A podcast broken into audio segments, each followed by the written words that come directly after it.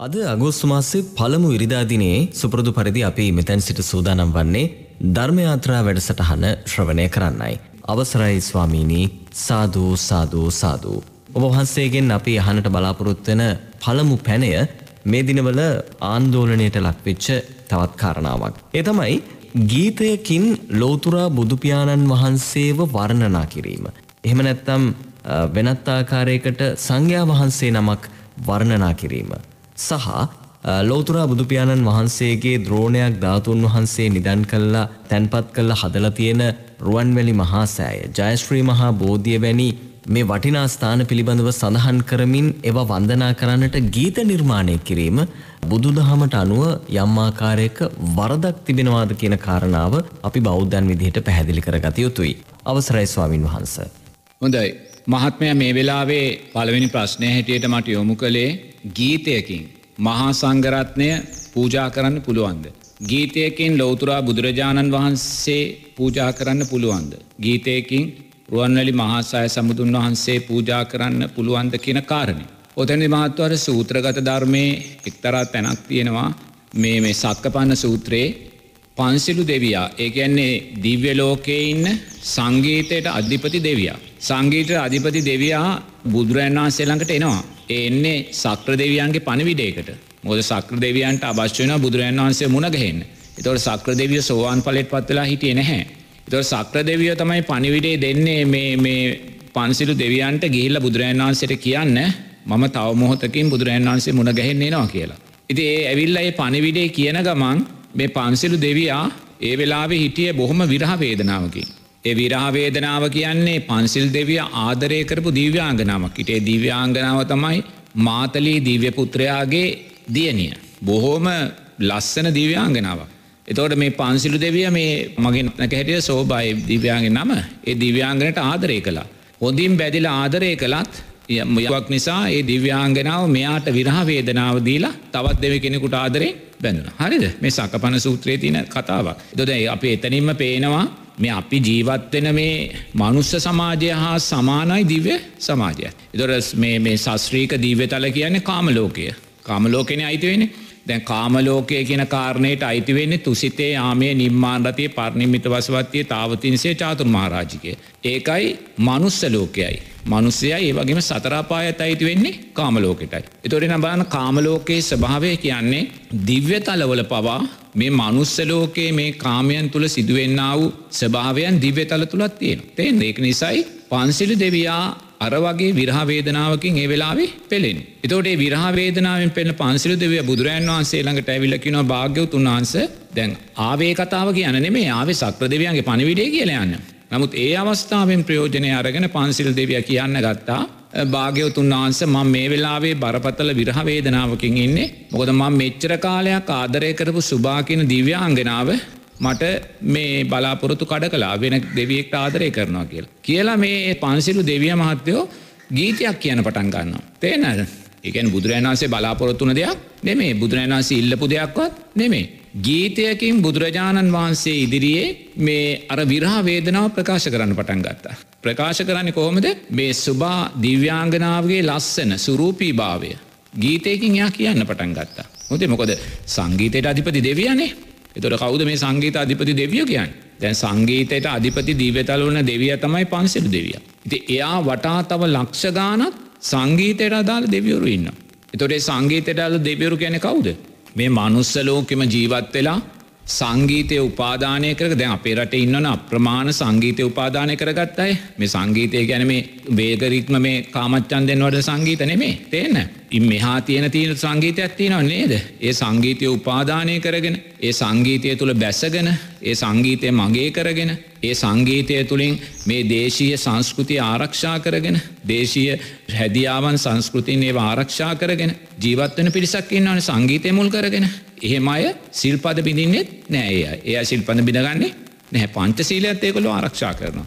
පංචසීලය ආරක්ෂා කරන ගමන් ඒගොල්ලො අපේ රටේ සදාචාරය සංස්කෘතිය ආරක්ෂා වෙන ආකාරයෙන් මේ ගීත සංස්කෘතියත් ඒගොල්ලො ආරක්ෂා කරගෙන එනොදැන් අපි දැක්කන අතීතේ ඒ හිටිය සුන්දර ගායකයෝනේ. නමුත් අද සංගීතයේ තත්වේ නැහැ අද සංගීතය තනි කරම කාමච්චන්ඩයන් වදන අපේ සංස්කෘතියට බලවත්තාකාරයෙන් හානි කරන විදියට ජනතාව තුළ කාමච්චන්දයන්ම මත්වෙන දිසාවට තමයි අද සංගීතය හුඟක් වෙලාට අරංයන්නේ නේද. නමුත් අතීතය එහෙම ජීවත්වෙච්ච පන්සිල් රකිමින් පන්සිල් සුරකිමින් සංගීතය උපාදාන කරගත්ත අය මහත්තයෝ පින් කරලා අනුව යහපතෙන් සතුටු කළේගුල අයහපතෙන් නෙමේ සතුටු කළේකළ සිින්දුවක් කියලා කෙනෙත් තුළ කාමච්චන්දයන් නෙමේ වැඩුවේ. සිින්දුවක් කියලා මනුසයා නටවන තැන්ට නෙමේ අරංගේ. සිින්දුවක් කියලා මනුසයා බොන තැනට නෙමේ අරංගේ. සිින්දුවක් කියලා අධ්‍යාත්මික රසයක් ලබනත අරංගේ. තියෙන. සිින්දුවක් කියලා තමන්ගේ සිත නිවෙන තැනකටයියා අරංගේ. ඉති එවැනි අය මහත්තයෝ මනුස්්‍යයා කෙරේ කලා වූ යහපත නිසා.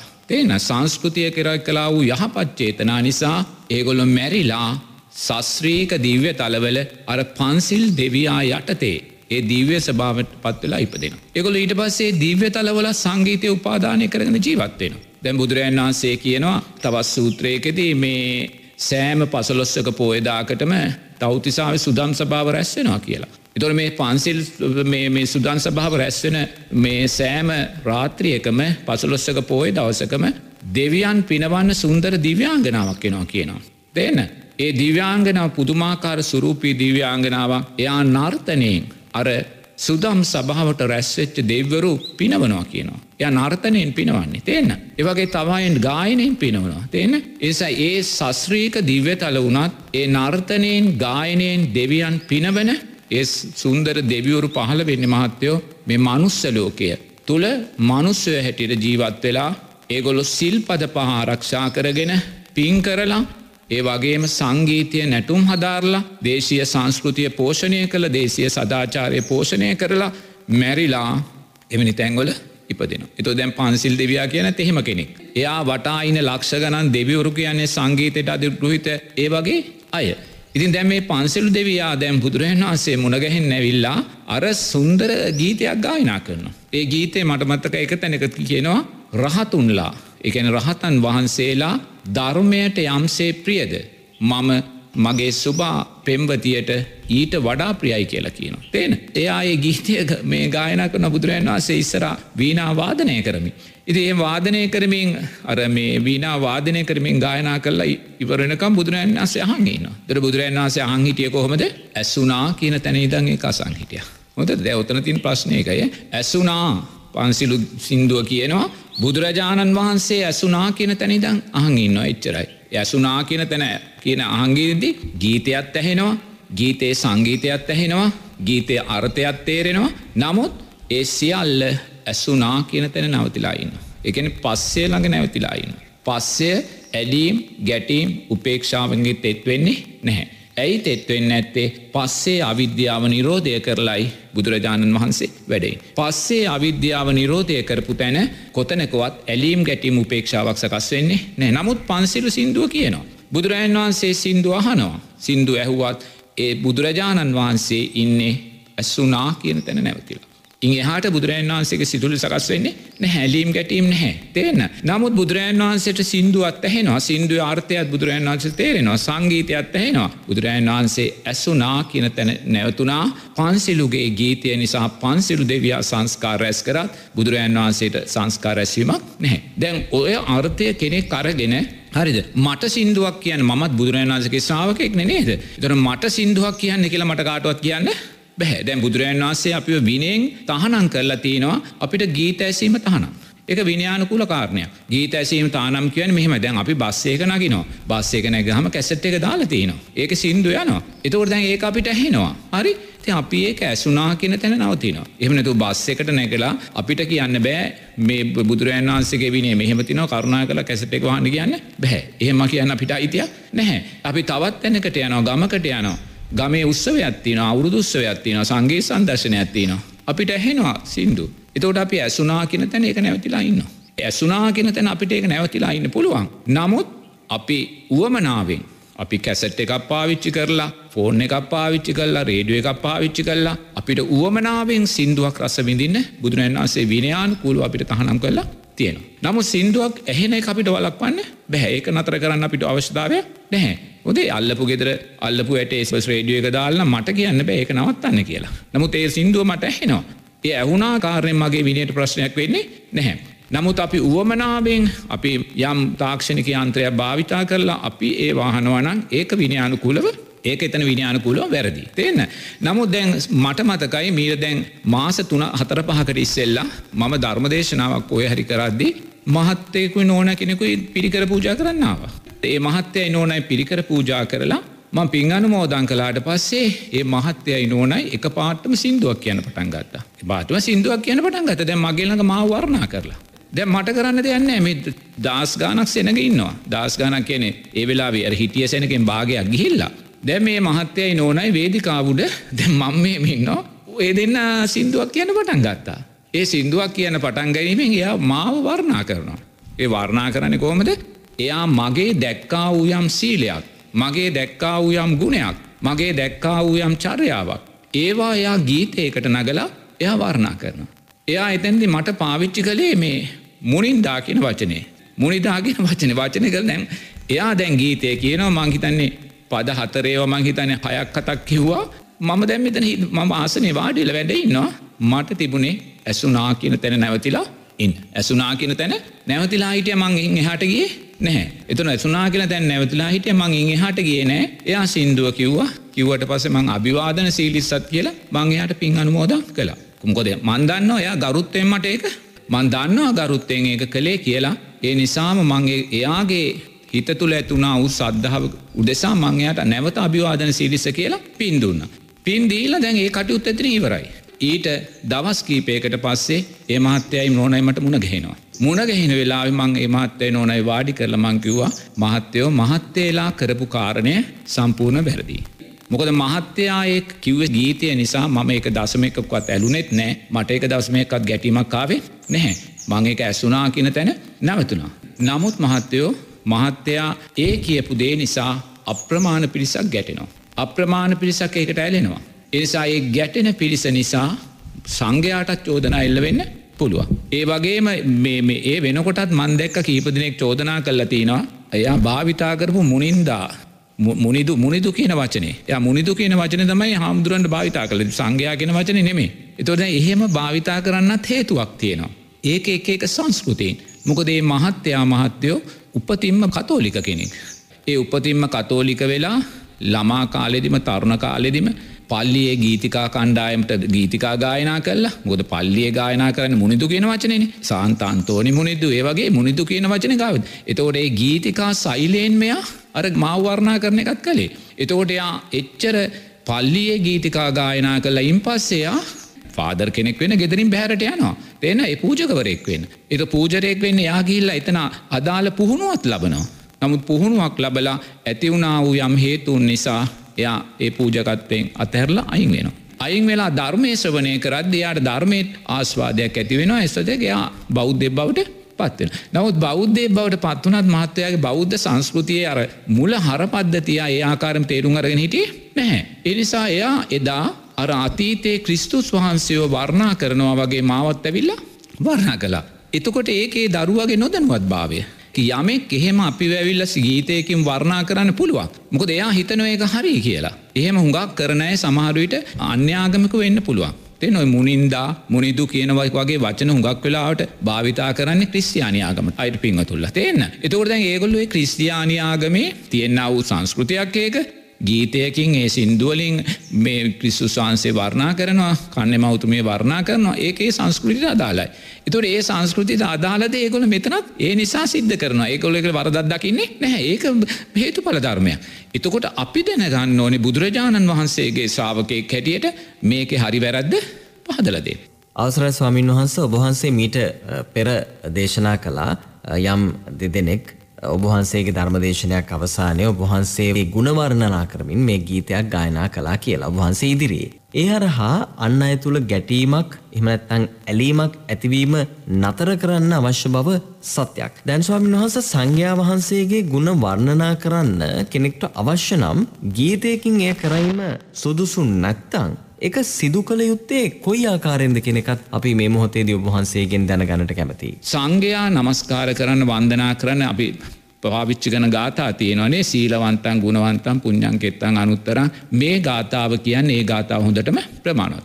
එසා ගීතේ මාවත් වර්ණා කරන්න ඇවිල්ල තියෙනවා. නමුත් ඒ හැම වර්ණාවක්ම එක පාරයි. එක පාරකට එහා යන්න දුන්නේ නැහැ. මොකද ඒ දුන්නෑ කියන්නේ ඒ තුළින් අපි සංඝ සමාජයේ ආරක්ෂා කරන්න ඕන ගිහි සමාජය ආරක්ෂා කරන්න ඕන ඒ වගේම මේ ශාසනය ආරක්ෂා කරන්න ඕනේ. නිසා ශාසනයට වෙන සංස්කෘතියින්ගෙන් වෙන ආගම්වලින් ශාසනයට නුහුරු දෙයක් එනවනම් ඒ නුහුරුදේ අපේ විනයටත් ප්‍රශ්නයක් වෙන්න පුළුවන්නම් ජනතාවගේ ඇලීම් ගැටිම්වලට ප්‍රශ්නයක් වෙන්න පුළුවන්නම් අපි දක්ෂ වෙන්න ඕනේ ඒ පලවෙනි තැනින්ම ඒ ඒ අයට කරුණු පහදල දීලා එක නවත්තන්න.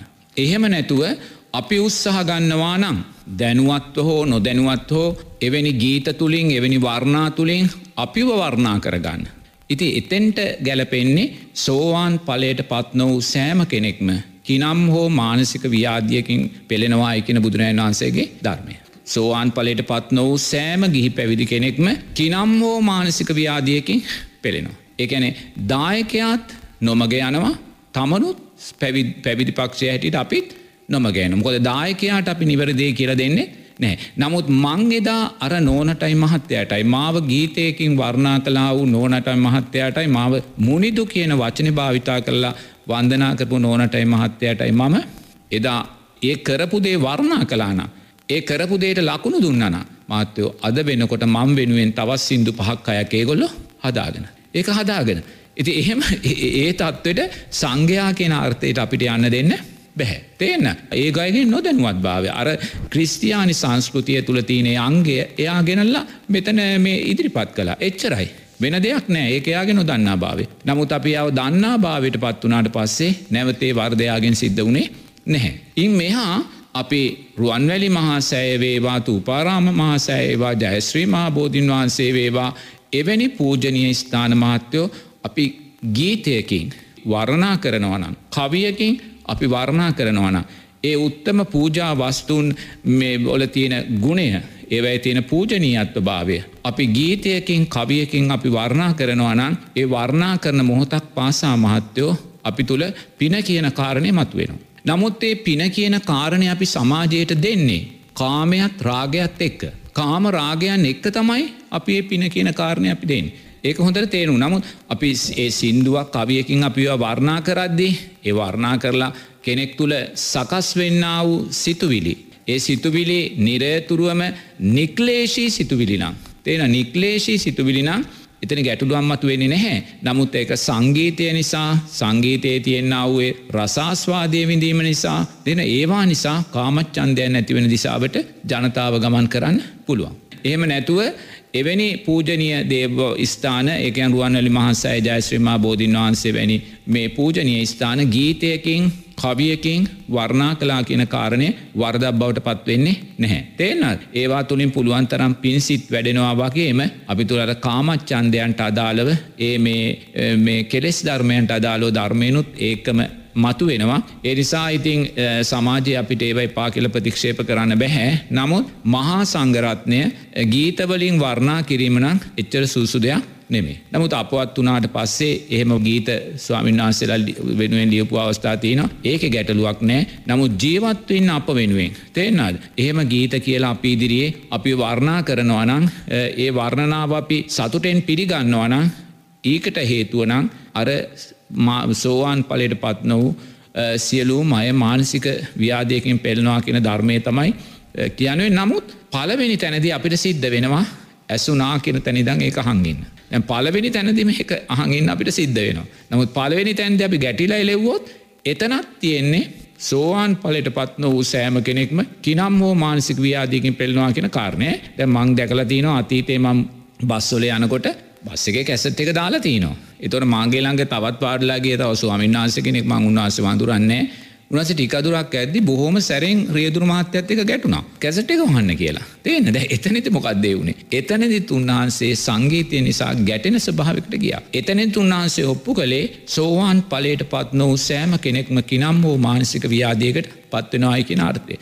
නමුත් මටත් ඒ සින්දුව ඇහෙනවා. මං ඒ සින්දුව ඇසුනා කියන තැනි දඟ හිටියා. මං ඉංහට එක ගැන හිතන්නගේ හැ මං ටිකට එක රම් බස්ස එක නැග බහිනතන ම බැහලගිය මට සංගීතය අදාල නෑ ඒ සංගීතය ඒගොල්ල දාගත්ත දෙයක්. ඒ අපි අපේ කරගන්න ඕනේ. නමුත් අර ගෞරණය ස්වාමින් වහන්සේ ඒ කැසට් එක දාලා තියෙනවා කියලා රියදුර මහත්තයත් එක බොහොම දදින් ගැටෙන්න ගිය. තේ එතනිදිත් උන්වහන්සේ ඔප්පු කළේ අර සෝවාන් පලට පත් වූ සෑම කෙනෙක්ම කිනම් මානසික ව්‍යාදියකින් පෙන. ඒවාගේම තව කවුරුහරි මට කවුරුහරි ගීතයක් කියද්දී මං ඒක වස්ප්‍රනා කරනවා නම් පසසනවානම් එකත් නැවත නැවත කියන සභාවිට ඒගොල පත් කරනවන නැවත නැවත කියයි කියල මං බලාපොරොත්තු වෙනවන ඒ තුළින් මං ආස්වාදයක් ලබනවන ඒ හැම තැනකදිම මහත්තයෝ සකස් වෙන්නේ මමත් සෝවාන් පලට පත් නොවූ යම් මානසික ව්‍යාදීකින් පෙරෙනවායි කියන අර්ථයයි. ඔය ආකාරයෙන් තමයි මහත්ව එක ගන්න ඕනේ. නමුත් ඕනෑම කෙනෙකුට පූජනීය වස්තුූන් රුවන් වැඩි මහන්සෑය ඕ වෙනයම් පූජනය ආගම ස්ථානය මුල් කරගෙන සින්දුවක් ඒ වගේම ගීතයක් කවියක් ලිවීමෙන් කිසිම වර්දක් වෙන්නේ නැහැ.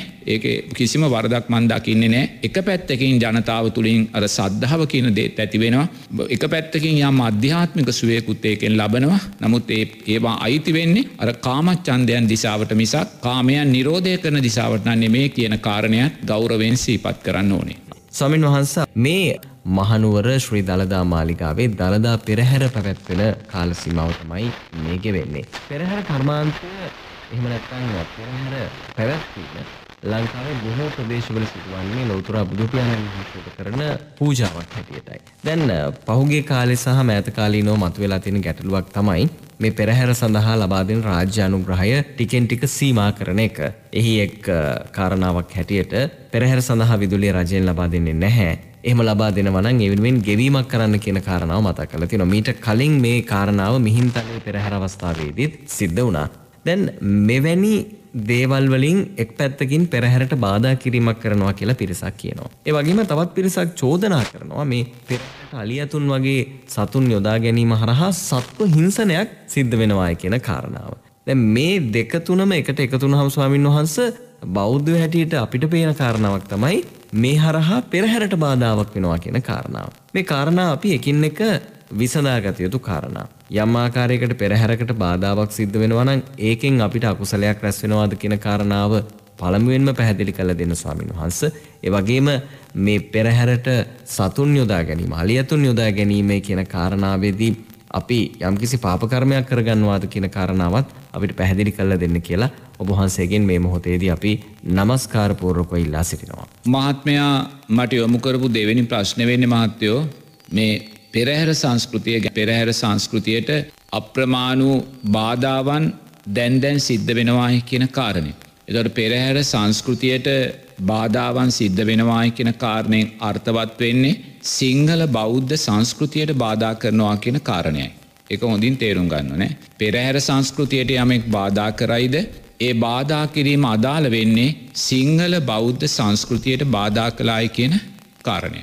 එතකොට සිංහල බෞද්ධ සංස්කෘතියට බාධා කරනවා කියන කාරණය මහත්ව අපිට දිගින් දිගටම දිගින් දිගටම සමාජය තුළ පේන්න තියෙනවා.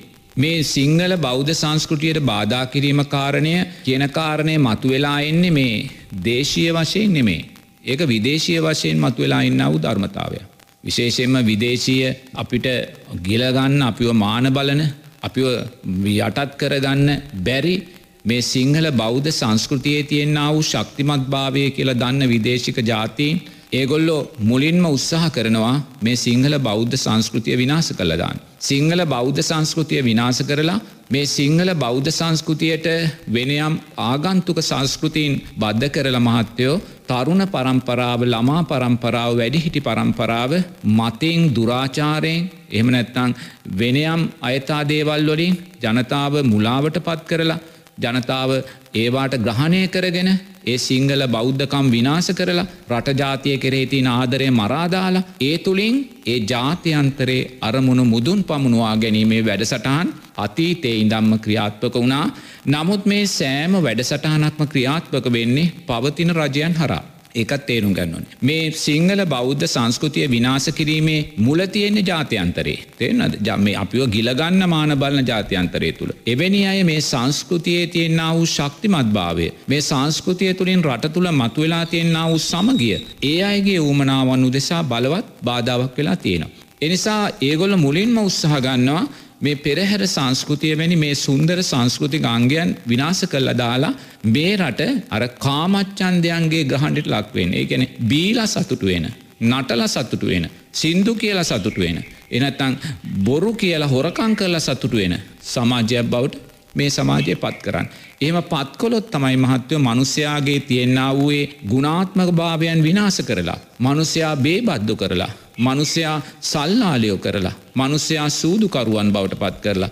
ඒ තුළින් ඔවුන්ගේ අරමුණු ඉටු කරගන්න ස්භාවයකට අපිට යන්න. ඒනම් කිනම් බෞද්ධ සංස්කෘතියට බාධාවක් වෙනවනම් අපි මුලින්ම දකින්න ඕනේ බාධාවේ මුල තියෙන්නේ ජාත්‍යන්තරේ. ඒ බාධාවේ මුලෙන් ඇතිවෙන්න වූ ස්වභාවය තමයි අපේ රාජ්‍ය නායකින් අපේ ගෞරුවනය ඇමති මණ්ඩලය මේවා එකතු වෙලා මේ ක්‍රියාත්මක භාවයට පත්වෙන්. ඒ නිසා මේ කාරණයන් අපි ජනතාවත් තේරුම් ගන්න ඕන. මේවා හේතු පල ධර්මයන්. මේවා මේ කාටවත් ඇගිල්ල දික් කරලා අපිට වැරදි කියන්න බෑ. මේ අවිද්‍යාව වැඩිවෙන්න වැඩිවෙන්න දුක වැඩි වෙනවා. දොට අවිද්‍යාව කියන තුෂ්නාව හැම කෙනාම බලකාමයෙන් පෙනෙනවා. හැම කෙලා මුසන්ගේ ගොඩ ලොකු කරගන්න තමන්ගේ ධනය ශක්තිමත් කරගන්න ජාතිය ගැන ආගම ගැන හිතන්නේ අද කවුරුවත් රට මුල් තැනට අරං හිතන්නේ මම කියන අර්ථය මුල්තැනට අරන්තම හිතින මගෙන් රටට යමක් දෙනවා කියන කාරණය අද කවුරුත් හිතන්නේ නෑ රටෙන් කුමද්ද මට ගන්න පුළුවන්? ඒකට තමයි අද අපි උත්සා කරලා තියෙන. එනිසා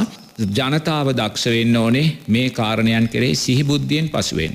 එනිසා පෙරහැර සංස්කෘතියේදී කවුරුහරණ කියනවනම් පෙරහැර සංස්කෘතිය නිසා අලියතුන්ට හිරිහැ හිංසාවක් සිද්ධ වෙනවා කියලා ධර්මානුකූලව ඒකනං කිසිම සත්‍යභාවයක් නෑ හොඳින් තේරුම් ගන්න ඕනේ ධර්මානුකූලව කිසිම සත්‍යතාවයක් නෑ මොකද කැලේ අලියෙක් නිදහසේ ජීවත් වෙනවා තමයි. කැලේ අලියෙක් නිදහසේ ජීවත් වෙනවා කියන්නේ මේ පාතාල ලෝකයේ මනුස්සෙක් නිදහසේ සමාජය තුළ හැසිරෙනවා වගේ වැඩ. තියන්නේ පාතාල ලෝකයේ මනුස්සෙක් නිදහසේ සමාජය හැසුරුණොත් සමාජයට කොයිසායක පීඩාවද. සමාජයේදේ මංකොල්ල කනො මිනිස් ඝාතන සිද්ධ වෙන මනුස්ස හිංසනයන් සිද්ධ වෙන. මොකද ඒ මේ පාතාල ලෝකය කෙන සමාජයතය නිදහසේ ජීවත්වෙන. අර අලියා කැලේ ජීවත්වෙන්නෙත් ඒ විදියටයි. තින් අලියෙක් කැලේ ජීවත් වෙද්දි ඒ කැලේ අලියා නිසා මනුස්්‍යයන්ට වගාහානි සිද්ධ වෙනවා නිවාසාහනි සිද්ධ වෙනවා ජීවිතහානි සිද්ධ වෙනවා මානසික පීඩනයන්ට පත් වෙනවා තියෙන බලවත් ආකාරයෙන් අකුසල් ගොඩක් මැදි කරගෙන තමයි ඒ කැලේ අලියත් ජීවත්වෙන තියෙන. එනිසා කවුරුන් හෝ ඒ අලියා හීලෑ කරගෙන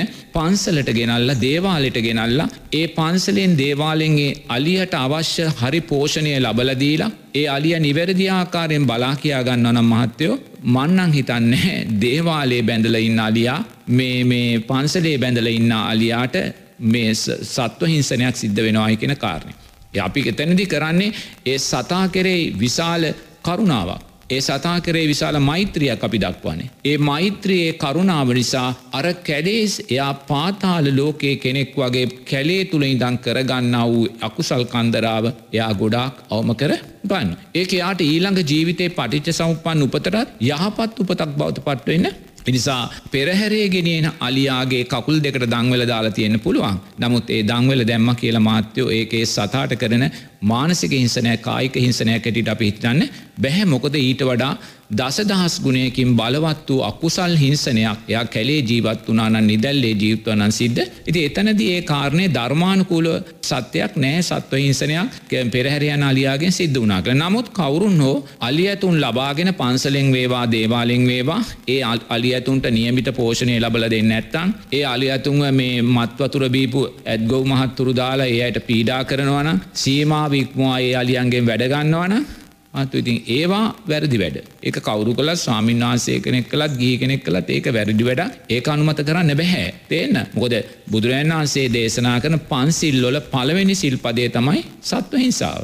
මනුස්සේ හිංසනය එතොට අපි අලියෙක් අපි හදාගන්න අරගෙන අපි හීලෑ අලියෙක් හදාගන්න අරගෙන ඒ අලිය පෝෂණය කරන්න කියෙන පොරොන්දුව පිට අරගෙන අපි ඒ අලියට නියමාකාරයෙන් ආහාර ටික දෙන්න ඇත්තා අපි ඒ හාදි අලියට ඇත්ගොව්වෙක් කරා හිංසනයන් කරනවන ඒ වගේම අපි ඒ අලියාව නියමාකාරයෙන් රැකබලාගන්න ඇත්තා ඒ වැඩිපුර වැඩගන්නවන ඒ හැම මොහොතක මහත්තයෝ පලවෙනි සිල්පදය බිඳගනමින් තමයින්න එක ස්වාමින්වහන්සේ කෙනෙකුුණත් තේරුම් ගන්නවා. අපි අලියාගෙන් අනවශ්‍යාකාරයෙන් වැඩගන්නවනම් අලියාගෙන් අනවශ්‍යාකාරයෙන් හම්බු කරනවනම් අනිවාර්යෙන්ම අපි ඒ සෑම මොහොතකම පන්සිල් පද පහ පන්සිල් පද පහ නෙමේනේ ස්වාමිනාසේගේ සේනක සීලය නේද. අපි සත්ව හිංසාාවකින අපේ සිල්පදය ප්‍රාතිමෝක්ෂයේ සිල්පදය අපි මනුස්ස හිංසනය කියන සත්ව හිංසනය කියන සිල්පදය දුර්වල කර ගනින් තමයි ඒ හැම තැනම ඉන්න නිසා එවැනි වැරද්දක් කොළොත් ඊට අදාළ දඩුවන් විති ඒ අයට ධර්මානුකූලෝ ලැබෙනවා. ඒක හරි තියන්න.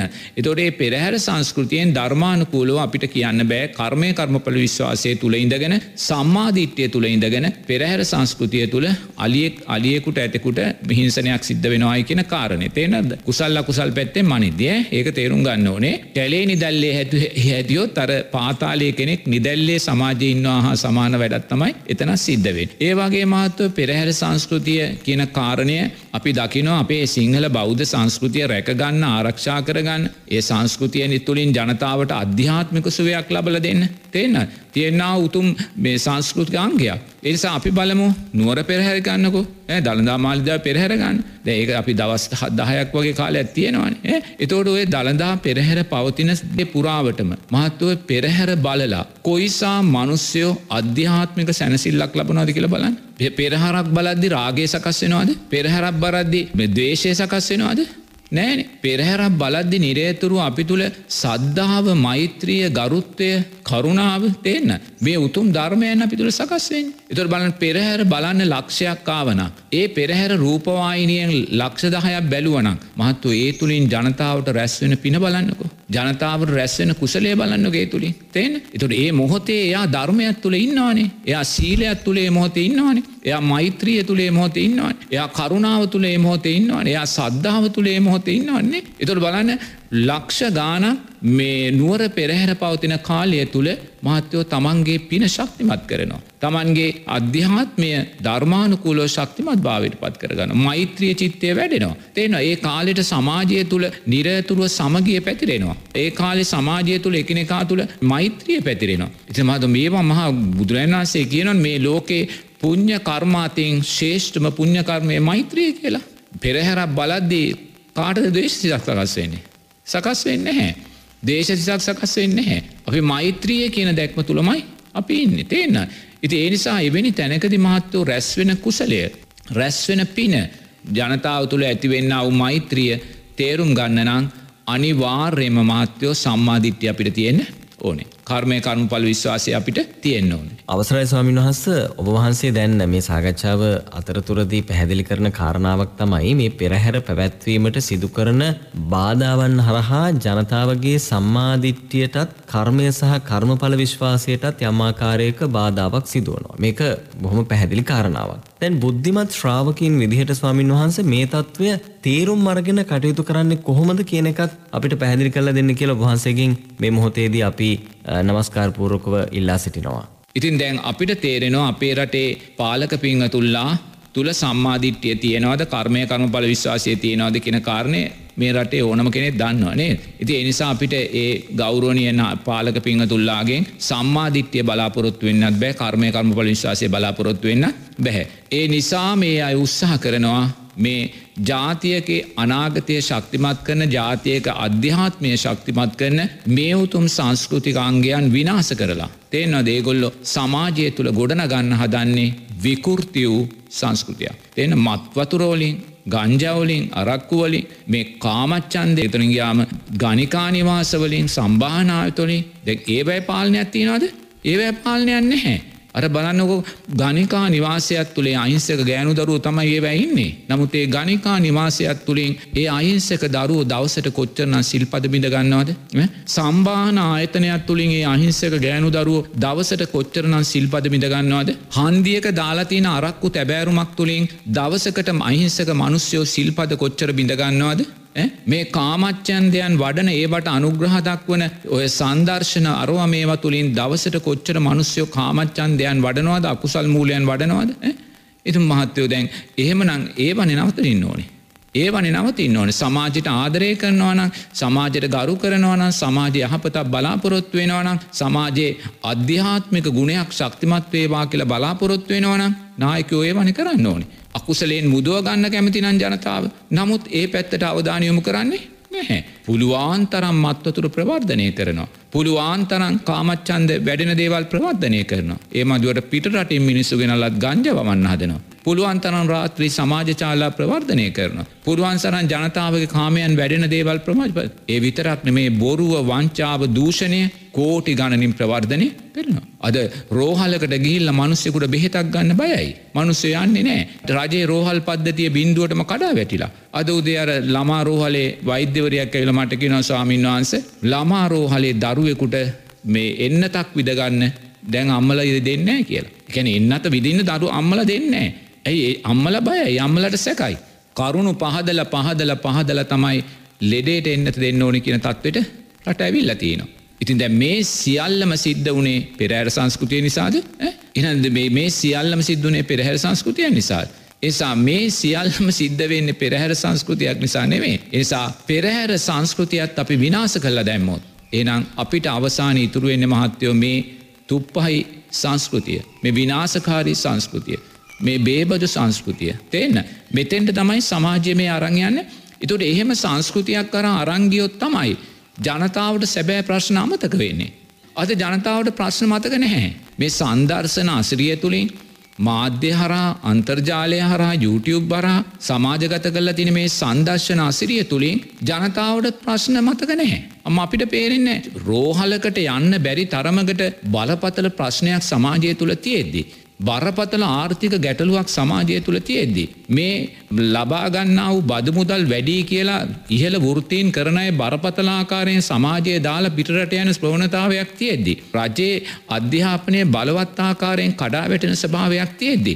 මහත්ව රටේ කාටුවත් දැනීමක් නැහැ. මේ සංඝ සමාජයේ බලවත්තාකාරයෙන් කාමච්චන්දයන්ට ගොදුරු කරගන්නා වූ සමාජ වටපිටාවක් තියෙද්දී. සංඝ සමාජයේ බලවත් ආකාරයෙන් ලාභ සත්කාරවලට කොටු කරගන්නා වූ දේශපාලනයක් තියෙද්දි. මහත්තයෝ කාටවත් මේක වර්ධක් පේන්නේ නැහැ. මද මනුස්සයා මේ දුක දරාගෙන ජීවත් වෙන්න පුහුණු වෙච්ච මනුසෙක්. දුක පෙන්නන්නේ දුක ප්‍රකට කරන්නේ. දුකට එරෙහිව ගතයුතු ක්‍රියාමාර්ග ගන්න පෙළබෙන්නේ නැහැ. දුක දරාගෙන දුක තුළම ජීවත්වවෙන්න ජනතාව පුරුදු වෙලා තියෙනවා. දැයි තේරිස එහෙම පුහුණු වෙන්න පුහුණු වෙන්න පාලකින්ට තව තව පහසුවක් වෙනවා. එනිසා පාලකින් තවතව උත්සා ගන්නවා සියලුම සිංහල බෞද්ධ සංස්කෘතික උරුමයන් මරල දාලා. ජනතාවට අධ්‍යාත්මිකව නිවැරදිව හිතන්න සීන ශක්තිය මරල දාලා. ජනතාව නිරේතුරුව මහත්යෝ මේ කාමත් චන්දයන්ගේ මත් පැන්වල ගොදුරු බවට පත් කරලා ජනතාව සැබෑ ප්‍රශ්නවලින් අයින් කරලා මේ සියල්ල ඒගොල්ලන්ගේ ගහනයට ගැනීමේ ඒ කටයුතු සමාජය තුළ සිද්ධවමි යන. ඉති ඒ නිසා තමයි පෙරහැර සංස්කෘතියටත් මේසා විරෝධයක්කින් ඒ වගේම දැම් මහත් මෙල මතක් කලා රජය දැනුම් දීල තියෙනවා දළදාමාලිගාවේ පෙරහැරට අවශ්‍ය විදුලිය සපයන්න බැහැ. ඕනෙනම් මුදල් ගෙවන්න. ඕනෙනම් මුදල් ගෙවන්න. එවන තවත් පෙරහැරකට කොය හරි දැ මහත්‍යය නමක් කිව ඒගොල්ලො මිහින්තලේ ඕගොල්ල විදුලිය ගන්නවන මුදල් ගෙවල ගන්න. රජය ඒ වෙනුවෙන් වියදන් දරන්නේ නැහැ රජය වියදන් දරන්නේ ඇයි රජයේ ආදායම රජයේ වියදම අඩු කරගන්න නවත් මාතයෝ රජයේ වියදම අඩු කරගන්න ඔතනින් නෙමේ තේන රජයේ විදම් කූදොතනින් අඩු කරගන්න. එතවට අපි මෙවැනි සුන්දර පෙරහැර සංස්කෘතියකට බුදුරජාණන් වහන්සේගේ දන්තධාතුන් වහන්සේ උදෙසා ජීවමාන බුදුරජාණන් වහන්සේ හැටියට මුළු ලෝකෙම දකින මේ දන්තධාතුන් වහන්සේ මුල් කරගෙන ඊට පූජෝපාහාර උදෙසා පවත්වන දළදා පෙරහැරට අපි බාධා කරනවා කියන්නේ මහත්තයෝ බුදුරජාණන් වහන්සේට කරන පූජාවකට බාධා කිරීමක්. බුදුරජාණන් වහන්සේට කරන පූජාවකට ජීවමාන බුදුරජාණන් වහන්සේ කරන පූජාවකට බාධා කිරීම. පූජා ප්‍රතික්ෂේප කිරීමක්. එම කලා නම් තේනල්. එම කියනවනං රජයෙන් ලයිට් දෙන්න බැහැ සල්ලි දීලයි විදුලිය ගන්න ඕන කියන කාරණ ඉං අදහස් වෙන්නේ රජය ජීවමාන බුදුරජාණන් වහන්සේ උදෙසා කරන්න වූ පූජාවකට වර්ජනය කරනවා කියන කාරණය. එනම් බලන්නකෝ ජීවමාන බුදුරජාණන් වහන්සේක නමකට කරන පූජාවක් අපි වර්ධනය කොළොත් මාතෝ ඉන් ලැබෙන්න්න වූ අකුසල් ප්‍රමාණය මෙ පමණයි කියලා අපිට කියන්න බැහැ. ඉන් ලැබෙන්න්න වූ අකුසල් ප්‍රමාණය පාලක පිංහතුල්ලා දකින්නේ නැහැ. පිංහතුල්ලා දකින්නේ නැහැ. රජයකට එහෙම දෙන්න බැරි නං. රජයේ වියදම් පක්ෂය වැඩිනම් රජයේ වේදම් පක්ෂය අඩු කරන්න නොද කරම කොච්චර තියෙනවා. අර පාර්ලිමේන්තුව අඩුගාන්ට කන්න දෙනක නතර කලාන. පාර්ලිමේන්තුවේ මන්ත්‍රියෝන්ට නොමිලේ දෙන බෙහෙට්ටික නතර කලාන ඇ පාර්ලිමේන්තුවේ මන්ත්‍රියෝන්ට නොමිලේ දෙන වාහන පමිට් එක මේ රට දියුණුවෙන කන්න අතර කලාන මේ බලවත් ආකාරයෙන් සිද්ධ වෙන වංචා දූෂණ මේ විගණනය විසින් හෙළි කරන මේ දූෂණ නවත්තල ඒවා නැවත නොවෙන විදිහට ඒ වැරදි කරටයට දඩුවම් කරලා ඒ ධනය රජයට ලබාගන්න වැඩ පිළිවක් තියෙනවන මත්තු මේකන කරන්න ඕනේ. නමුත් ඒ එකම පැත්තක්වත් හිතන්නේ නැහැ. ඒවා තව තව ප්‍රවර්ධනය කරනවා. වංචාව දූෂණය ඒවා තව තව ප්‍රවර්ධනය කරනවා. ඒ පාලක පිංහ තුල්ලා ගන්න තියෙන සැපසම්පත් වරප්‍රසාද තව තව ප්‍රවර්ධනය කරනවා. ඒවා ප්‍රවර්ධනය කරමින් මෙහි පැත්තෙන් අහිංසක ජනතාවගේ පටිපතෙනුත් මහා බදු මුදලක් අය කරන. ඒ තුළින් මුළු සමාජයේම වෘතියවේදීන්ගේ මානසිකත්වය බිඳ දාලතින. එය රට දාල යන තැන්ට පත් වෙලා තිනවා.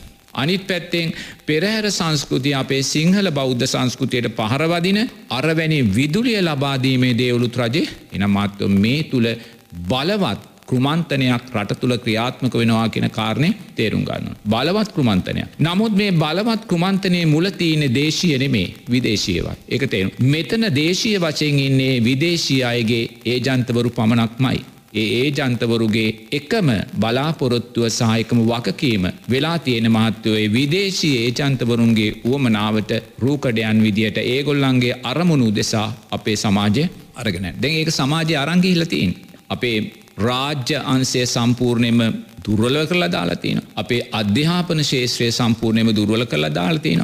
සෞඛ්‍ය ශේත්‍රයේ සම්පූර්ණයම දුර්වල කරලා දාලාතින රජයේ රෝහලකට යන්න බයයි ආණ්ඩුවේ ස්කෝලෙකට දැන් ළමෙක් දාන්න කැමතිනෑ තියන්න. ඉතිරි මේ සෑම ශේෂත්‍රයක්ම බලවත්තාකාරෙන් දුර්ල කල තින අපේ කුෂිකර්මාන්තය බලවත්තාකාරෙන් දුර්ල කල තින දීවර කර්මාන්ත ශේෂත්‍රය දුර්ල කළ මේ සෑම දෙයක්ම මේ පැත්තෙන් දුර්වල කරන ගමන් මේ ගොල්ලො ප්‍රවර්ධනය කරන්නමොකක්ද. අනඒකන බලන්න.